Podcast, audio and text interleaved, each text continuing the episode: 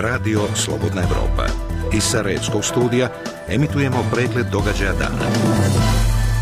Radio Slobodna Evropa. Vijesti. Na Kosovu se danas održavaju izvanredni parlamentarni izbori na kojima su stranke većinskih kosovskih albanaca utrci za 100 zastupničkih mjesta, dok je manjinskim nacionalnim zajednicama zajamčeno 20 mandata, od kojih će 10 podijeliti srpske stranke. Prijevremeni izbori raspisani su nakon što je šesti saziv Kosovskog parlamenta raspušten u kolovozu poslije ostavke premijera Ramuša Haradinaja 19. srpnja koji se povukao s dužnosti zbog poziva Haškog specijalnog suda za ratne zločine oslobodilačke vojske Kosova, čiji je jedan od zapovjednika bio i Haradinaj. Evo što su građani izjavili na Kosovskoj Mitrovici. Pa neka ostane i ovako. Kako jeste, ću biti zadovoljna. Ne možemo tražiti ne znam šta. Ja 20 godina mislim isto. Sve očekujem bolje, nema ništa nikad bolje. Nekadašnji ministar financija u vijeću ministara i glavni revizor Ureda za reviziju institucije BiH, Dragan Vrankić, preminuo je jutro su 65. godini nakon duge i teške bolesti. Vrankić, nekadašnji član predsjedništva Hrvatske demokratske zajednice, rođen je 23. siječnja 1995. godine kod Čapljine, obnašao je više funkcija u izvršnoj i zakonodavnoj vlasti Bosne i Hercegovine. Predsjedatelj predsjedništva BiH Željko Komšić sudjelovat će sutra u Beogradu na sesiji Diplomatski dijalog na temu Evropska unija, Zapadni Balkan i regionalna suradnja u organizaciji Foruma za etničke odnose. Na sesiju su pozvani predstavnici diplomatskog kora i međunarodnih organizacija sa sjedištem u Republici Srbiji, članovi akademske zajednice te predstavnici nevladinih organizacija kao istaknute javne ličnosti. Tisuće demonstranata ponovno je danas izašlo na ulice Hong Konga nakon što je sud odbacio drugi pokušaj okidanja zabrane nošenja maski. Demonstranti koji su se okupili uprko skiši i hladnom vremenu uzvikuju nositi masku nije zločin. Zabrana nošenja maske stupila je na snagu jučer što je izazvalo još više nasilja u protekla dva dana. Iran želi poboljšati veze sa svim zemljama na Bliskom istoku, rekao je danas ministar za naftu Binjan Zanganah. Zanganeh je istakao da će Iran iskoristiti sve mogućnosti za izvoz sirove nafte, ističući da je to legitimno pravo Teherana.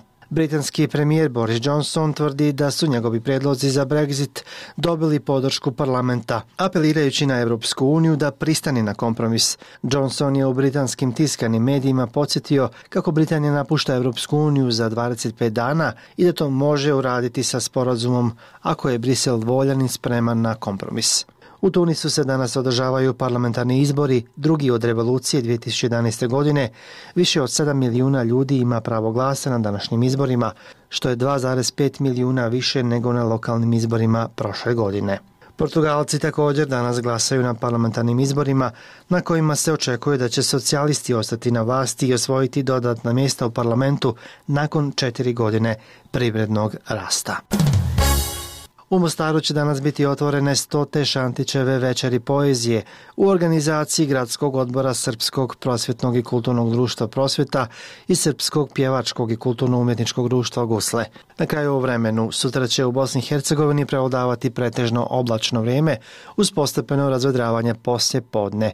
Jutarnja temperatura zraka kretaće se od 2 do 8, na jugu od 8 do 13, a dnevna od 12 do 8, na jugu od 18 do 23 stupnja Celzijusa. Vijesti čitao i u radio Ivan Katavić.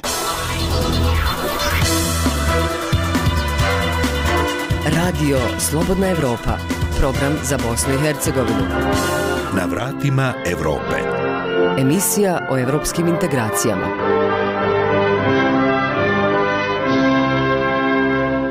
Srdačan pozdrav i ove nedjelje, poštovani slušalci. Do 15.30, pored ostalog, možete čuti.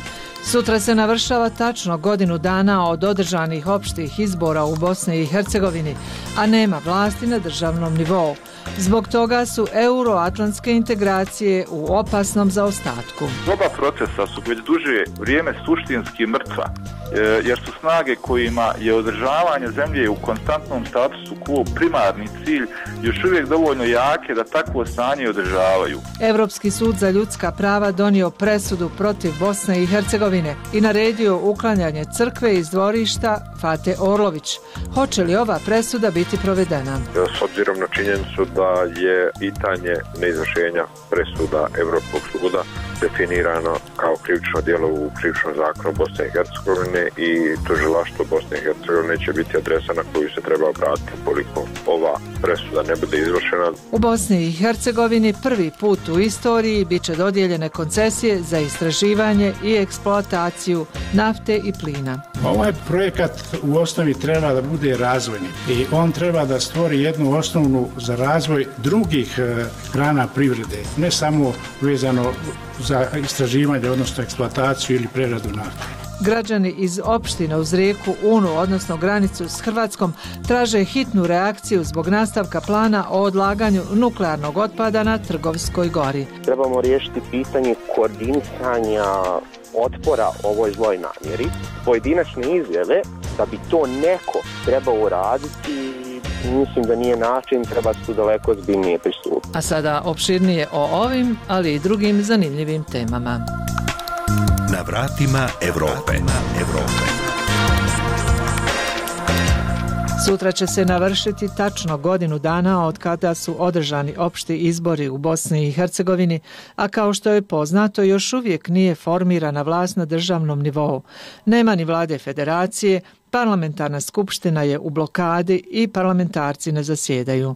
Među brojnim zastojima zbog toga što nema novih organa vlasti je i proces euroatlantskih integracija. Evropska komisija je još u maju mjesecu objavila mišljenje povodom aplikacije Bosne i Hercegovine za članstvo, a prioritete u 14 tačaka trebalo bi provesti novo vijeće ministara. Kako vidi ovaj zastoj, govori analitičar udruženja građana Zašto ne, Denis Čarkadžić, inače magistar evropskih integracija.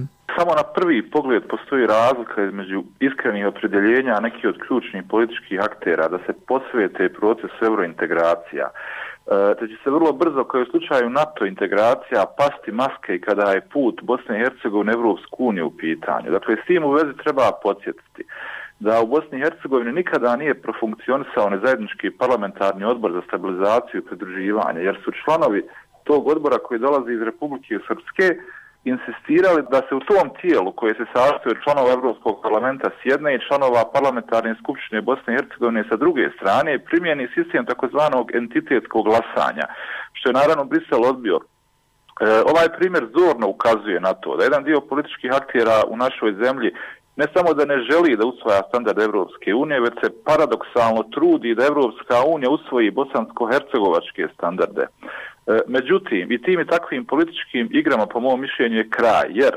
nakon što Evropska unija u mišljenju za Bosnu i Hercegovinu, pored ostalog u više aspekata problematizovala ne samo entitetsko glasanje, već sam izbor na osnovu etničke pripadnosti. Sasvim je jasno da je, da je prošlo vrijeme sivih zona i kada su evropske integracije u pitanju, što će se kada jednom bude uspostavljena nova vlast u Bosni i Hercegovini, vrlo brzo pokazati tačnim. Pogotovo ako Bosna i Hercegovina dobije status kandidata kao nagradu za imenovanje novog vijeća ministara, te nova vlast dobije priliku da implementira 14 preporuka iz mišljenja, jer iluzorno je očekivati od onih koji trenutno pretenduju na uspostavu vlasti, da primjera radi osiguraju da svi organi uprave zaduženi za provedbu akije budu zasnovani isključivo na profesionalizmu i da se ukloni pravo veta zasnovano na etničkom principu glasanju u procesu donošenja odluka što je u skladu sa Kijom, kao što se navodi u mišljenju Evropske komisije. Kada se radi o NATO integracijama, situacija je slična, ističe Denis Čarkačić. S tom razlikom što je SNSD jasno stavio do znanja da će učiniti sve da taj proces, a na koji pored zakona odbrani obavezuju odluka e, i strategije o vanjskoj politici prijesedništva Bosne i Hercegovine, dakle da ga u potpunosti zaustavi. Znači, oba procesa su po mom mišljenju već duže vrijeme suštinski mrtva E, jer su snage kojima je održavanje zemlje u konstantnom statusu quo primarni cilj još uvijek dovoljno jake da takvo stanje održavaju. Međutim, treba reći da geopolitičke tendencije u regionu kojima svjedočimo u posljednje vrijeme ovim snagama definitivno ne idu u prilog, te je zaočekivati da se ako ništa u narodnom periodu politička scena u Bosni i Hercegovini konačno jasno i do kraja polarizuje na one za i one protiv, kako Evropske unije, tako i NATO integracija. Zijad Bečirović, direktor Instituta za bliskoistočne i balkanske studije iz Ljubljane, navodi da je razlog za zastoj Bosne i Hercegovine na evropskom putu isključivo na BH političarima. Ključne političke elite, iako punim ustima i e, zagovaraju ulazak u Evropsku uniju i evropske integracije, u praksi je to ipak nešto drugačije. Razlog je vrlo jednostavan.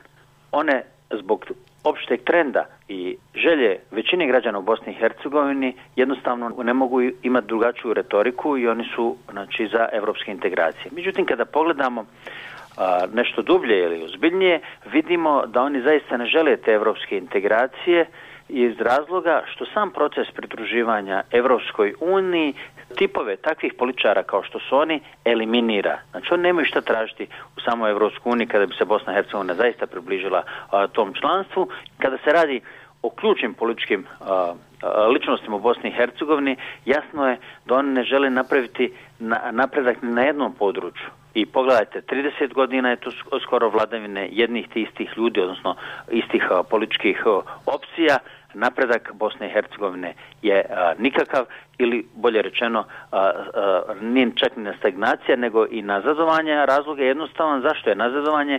Što svijet ide svjetlosnim godinama naprijed, a Bosna i Hercegovina, iako napravi male iskorake, to je još uvijek nazadovanje, nije čak e, ni, ni stagnacija. I u tom kontekstu možemo gledati e, poziciju Bosne i Hercegovine kada su u pitanju e, evropske integracije, ali moramo e, ruku na srce pogledati kakav je sam odnos Evropske unije prema evropskim integracijama. Mi smo nedavno imali posjet u Zagrebu novo imenovane predsjednice Evropske komisije Ursule von der Leyen, koja je rekla da će se ona truditi da Zapadni Balkan približi Evropskoj uniji. Mislim da je to apsolutno neprihvatljivo iz razloga što je Balkan u svakom slučaju dio Evrope, u mnogim aspektima je evropski od pojedinih evropskih država koje sebi imaju kao kolevku evropejstva, ali ovdje je jasno da Evropska unija nema jasne planove šta će uraditi sa politikom proširenja i da li će se to proširenje u nekoj izvjesnoj budućnosti i realizovati. Reforme za Evropu. Za Evropu.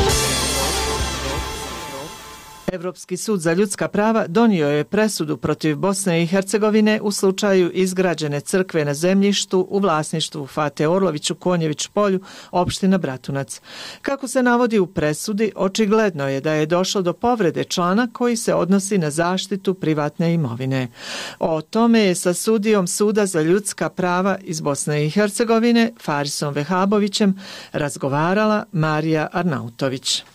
Sud u Strasburu donio je konačnu presudu kojom se nalaže da Bosna i Hercegovina mora izvršiti odluke kojima se nalaže uklanjanje crkve u Konjević polju koja se nalazi na imanju Fate Orlović. Šta je tačno predviđeno ovom presudom i kakvi su rokovi za njeno izvršenje? Ono što je odlukom utvrđeno je povreda prava na imovinu eh, iz člana 1 protokola 1 eh, Evropske konvencije i dati rok od tri mjeseca da se presuda izvrši, odnosno da se crkva izmesti sa imovine gospođe Fate Orlović i drugih aplikanata koji se zajedno sa njom pojavili u ovome predmetu, to su, radi se o njenim bliskim srotnicima. Zbog čega je važna ova presuda Evropskog suda za ljudska prava u slučaju Fate Orlović? Važna je radi pitanja povratka imovine ljudi koji su uh, izbjegli sa sa svoje imovine i, i svojih domova usled rata u Bosni i Hercegovini. Važna je vjerovatno i kao simbol povratnicima da na kraju krajeva mogu ostvariti svoja prava bez obzira na vrijeme koje moraju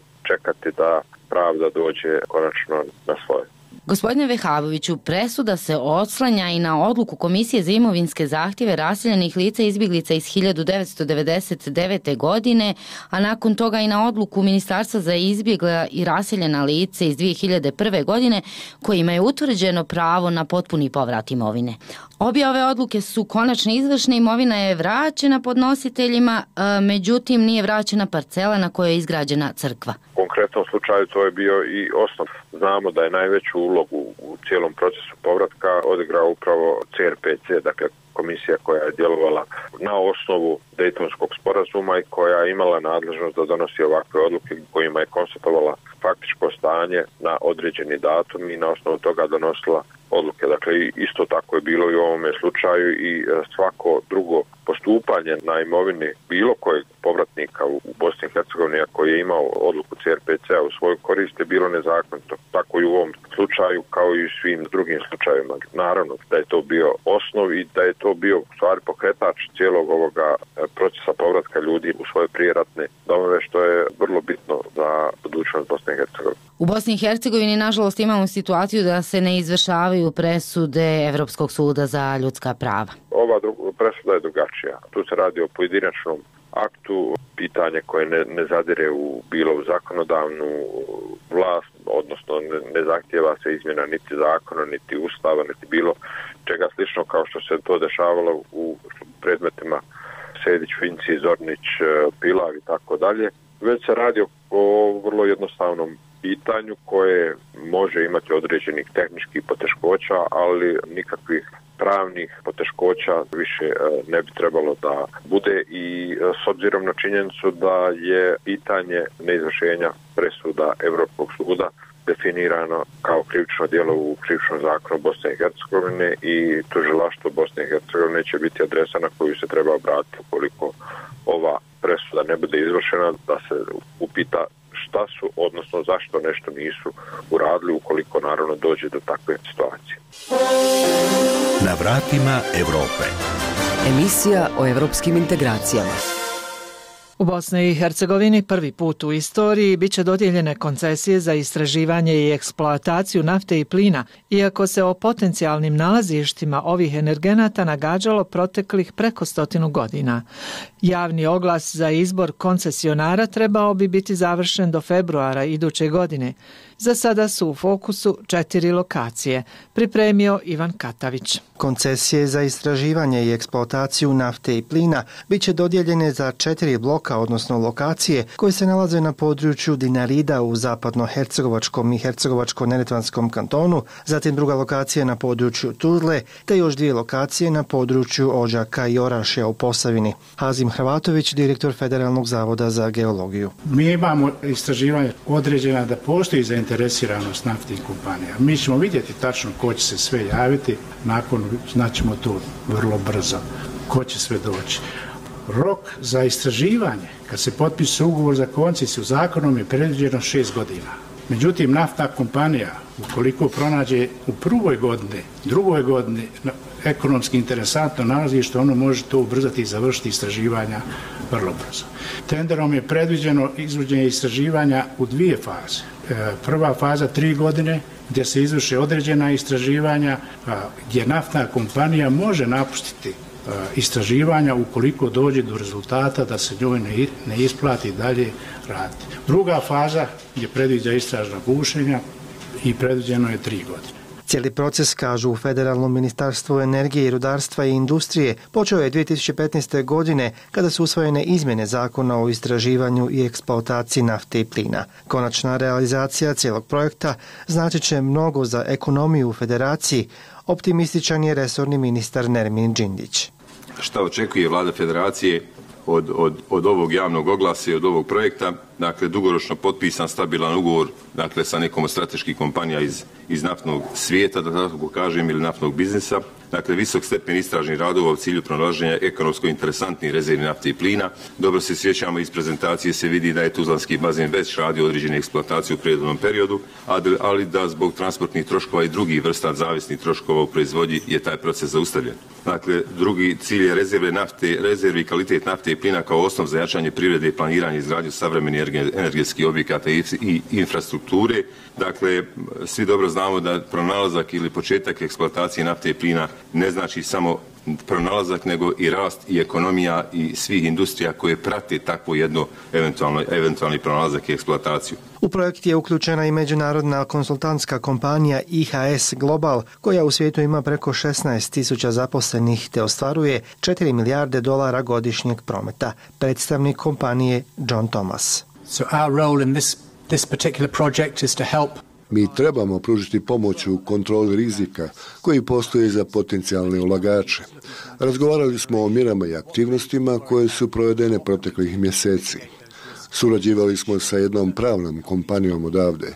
Istražili smo kontekst kako bi izradili nacrt ugovora o koncesiji te smjernice koje će koristiti potencijalnim ulagačima u predviđanju eventualnih rizika i prednosti od njihovog ulaganja. Mislim da smo uspjeli prikazati Federaciju Bosne i Hercegovine kao isplativu i perspektivnu lokaciju za ulaganje. Na pitanje što će cijeli projekat značiti za ekonomiju Bosne i Hercegovine, odnosno da li se mogu očekivati nova radna mjesta, direktor Federalnog zavoda za geologiju Hazim Hrvatović je odgovorio. Pa ovaj projekat u osnovi treba da bude razvojni projekat i on treba da stvori jednu osnovnu za razvoj drugih e, grana privrede, ne samo vezano za istraživanje, odnosno eksploataciju ili preradu nafte. Šitav niz recimo infrastrukturnih objekata bi trebao da bude dio ove kompletne priče, odnosno kompletnog projekta u slučaju ekonomski, pronalaska ekonomski interesantnog nalazišta plina. Na to ide znači, infrastruktura, građevina, poljoprivreda i tako dalje. Znači, u osnovi ovaj projekat je razvojni. U tome se slaže i ministar Džindić. Zadnji cilj je usavršavanje domaćih kompanija i domaće radne snage. To je možda i najbitnije jer svakako će domaći radne snage sigurno biti u ovom procesu možda i ključ, okosnica. Što se tiče e, interesa, što se tiče e, zakonom, zakonom o istraživanju i eksploataciji nafte i plina, propisana je raspodjela naknada e, na sljedeći način. 18% budžet općine gdje se radi prostor dakle, koncesije, 19% budžet kantona gdje se, gdje se nalazi prostor koncesije, 23% budžet federacije, 15% za budžete svih ostalih kantona federacije raspoređeno linearno jednako prema svima i 2% na kraju za fond za istraživanje nafte i plina na prostoru federacije. Prezentacija blokova za istraživanje i eksploataciju nafte i plina u federaciji nakon Sarajeva bit će još organizirana u Londonu, Ankari i Budvi. Eurozona. Eurozona. Eurozona. Eurozona. U opštinama uz rijeku Unu i granicu sa Hrvatskom traži se hitna reakcija institucija Bosne i Hercegovine nakon izjave hrvatskog ministra zaštite okoliša i energetike Tomislava Ćorića da se nastavljaju pripreme za realizaciju rješenja odlaganja otpada iz nuklearne elektrane Krško u blizini granice sa Bosnom i Hercegovinom. Detaljnije Milorad Milojević. U opštini Novi grad, koja se nalazi nepun kilometar vazdušne razdaljine od Trgovske gore u Hrvatskoj, ističu kako su razočarani vijestima dobijenim iz Slovenije. Načelnik te opštine Miroslav Drljača zahtjeva konkretne reakcije bosansko-hercegovačkih institucija, pa čak i tužbu protiv Hrvatske, a sve kako bi se spriječilo skladištenje radioaktivnog i drugog otpada u kasarni Čerkezovac na Trgovskoj gori. Mi očekujemo da će na osnovu i ranije e, izjavljeni stavova da će Bosna i Hercegovina formirati taj pravni ekspertski tim koji će jednostavno procijeniti da li je potrebno pokrenuti postupak arbitraže ukoliko to Hrvatska prihvati ili da se ide odmah sa jednom vrstom tužbe. Mi mislimo da su naše prava kao građana ovdje u dolini rijeke Une zaista ugrožena i znamo da cjelokupna ta priča izbora lokacije nije, nije urađena po metodama koje su izabrane, znači da tu dosta ima pogrešno prikazani podatak. Predsjedavajući predstavničkog doma parlamentarne skupštine Bosne i Hercegovine Denis Vizdić tvrdi da je do sada urađeno sve ono što su, kako ističe, pružali domaći zakoni, međunarodne konvencije, a u vezi sa mogućom gradnjom odlagališta nuklearnog otpada na Trgovskoj gori. To je dodaje Zvizdić, jedno od pitanja gdje Bosna i Hercegovina ima jedinstven stav. Ti se naravno protivimo namjeri da nuklearni otpad bude odložen uz granicu Bosne i Hercegovine, blizu naših prirodnih bogatstava i tako blizu naravno naseljenih mjesta. To je neki 800 metara vazdušne linije to bi značilo ugrožavanje zdravlja velikog broja ljudi u našim gradovima u tom području i sasvim sigurno da ćemo, ako budemo na, u konačnici, evo da kažem, dovedeni u tu situaciju, iskoristiti ono što nam pružaju odredbe međunarodnih konvencija, vjerovatno pokrenuti međunarodni spor ili spor arbitraže u slučaju da se u konačnici izabere lokacija Trgovske gore. Predstavnik organizacije Green Team iz Novog grada Marion Crnković mišljenja je da Bosna i Hercegovina treba u slučaju Trgovske gore da uradi mnogo više. Prije svega mislim da na nivou Bosne i Hercegovine trebamo riješiti pitanje koordinisanja otpora ovoj zloj namjeri. Super je to što mi iz civilnog društva hoćemo da damo doprinos. Super je to što pojedini osnovano pozivaju da se pokrene tužba protiv Hrvatske, kako putem ESPO konvencije, Arhuške konvencije, da se uh, i tekako preispitaju direktive Euroatoma, ok, poštujemo, ali pojedinačne izjave da bi to neko treba uraditi, mislim da nije način, treba se tu daleko zbiljnije pristupiti. Bosna i Hercegovina bi, osim prema Hrvatskoj, pažnju trebala usmjeriti i ka Sloveniji, koja je, kaže Crnković, ravnopravan partner u priči o izgradnji odlagališta nuklearnog otpada. Slovenija ima jednaku odgovornost kao i Hrvatska za taj otpad koji će Hrvatska preuzeti, jer Slovenija je dužna da ga, ajmo reći tako, izda samo ukoliko će taj otpad biti skladišten na pravi način. Tako da definitivno trebamo aktivirati javnost u Sloveniji, da osvestimo te ljude, da svi budu svjesni o čemu se radi i sa kakvim problemom se mi ovdje susrećemo. Ukoliko radioaktivni otpad bude odlagan na Trgovskoj gori, bilo bi ugroženo ne samo stanovništvo Novog grada, već oko 300.000 stanovnika sliva rijeke Une, poručuje Miroslav Drljača. Izvorišta vode, e, bunari e, koje koristi opština Novi grad, gdje je uloženo više od 11 miliona maraka, su na 900 metara od te lokacije. Bilo kako curenje će dovesti do toga da se u vodovodu nađe radioaktivni otpad. U petak 27. septembra u Novom gradu održani su protesti gdje su građani iz čak 19 opštine i gradova Bosni i Hercegovine i Hrvatske poručili da ne žele radioaktivni otpad na Trgovskoj gori. Slobodnaevropa.org Vlada Republike Srpske donijela je odluku da močvarni kompleks Bare Tišina kod Šamca proglasi za zaštićeno prirodno stanište. Ovo područje jedina je preostala kontinentalna močvara u plavnom dijelu rijeke Save u Bosni i Hercegovini, gdje obitava više desetina ugrožene riblje i ptičije populacije. Zabilježio Zoran Matkić. Barsko-močvarni kompleks Tišina Košamca predstavlja značajan faktor hidrološke stabilnosti i zaštite od poplava rijeke Save i ujedno je važan faktor za biljne i životinske vrste. Zahtjev za proglašenje zaštićenog područja uputila je lokalna zajednica na prijedlog društva za istraživanje i zaštitu biodiverziteta iz Banja Luke. Jovica Sjeničić, predsjednik društva. Močvara Tišina ima negdje oko 150 e, vrsta ptica, od toga je pola ugroženo i zaštićeno određenim međunarodnim konvencijama i, i domaćim zakonodavstvom, isto tako 175 vrsta flore, biljnih vrsta, od toga 20 je e, ugroženo po IUCN-u, 20 vrsta riba, šest vrsta staništa koje se štite na području cijele Evropske unije. Tako da to je mal jedan dio koji ilustruje bogatstvo, prirodno bogatstvo ovog područja. Ovim sada zaštićenim staništem brine Sportsko ribolovno društvo i Šamca. Luka Stanojević, predsjednik društva, kaže da ovo područje pruža velike šanse za razvoj općine Šamac. Samo treba iznaći neka sredstva i sa tim sredstvima ja mislim da bi napravili još jedan veliki iskorak u, u očuvanju, prvenstveno u očuvanju ovog zaštićenog područja, a samim tim očuvanjem ja mislim da, da je tu i šansa opštine Šamac za, za neki lovni turizam, e, znači vezano za lov i ribolov. Jovica Pašalić iz Tišine vidi šansu i za mještane ovoga sela. Potreban je, kaže Pašalić. Pa jedan dobar, dobar investitor da uloži još malo sestava i da otvori ovde kao, kao neki restoran, da otvori kamp za, za ribolov, da privuče strane ribolovce da dolazi jer je ovo bogata, ova voda je bogata ribu.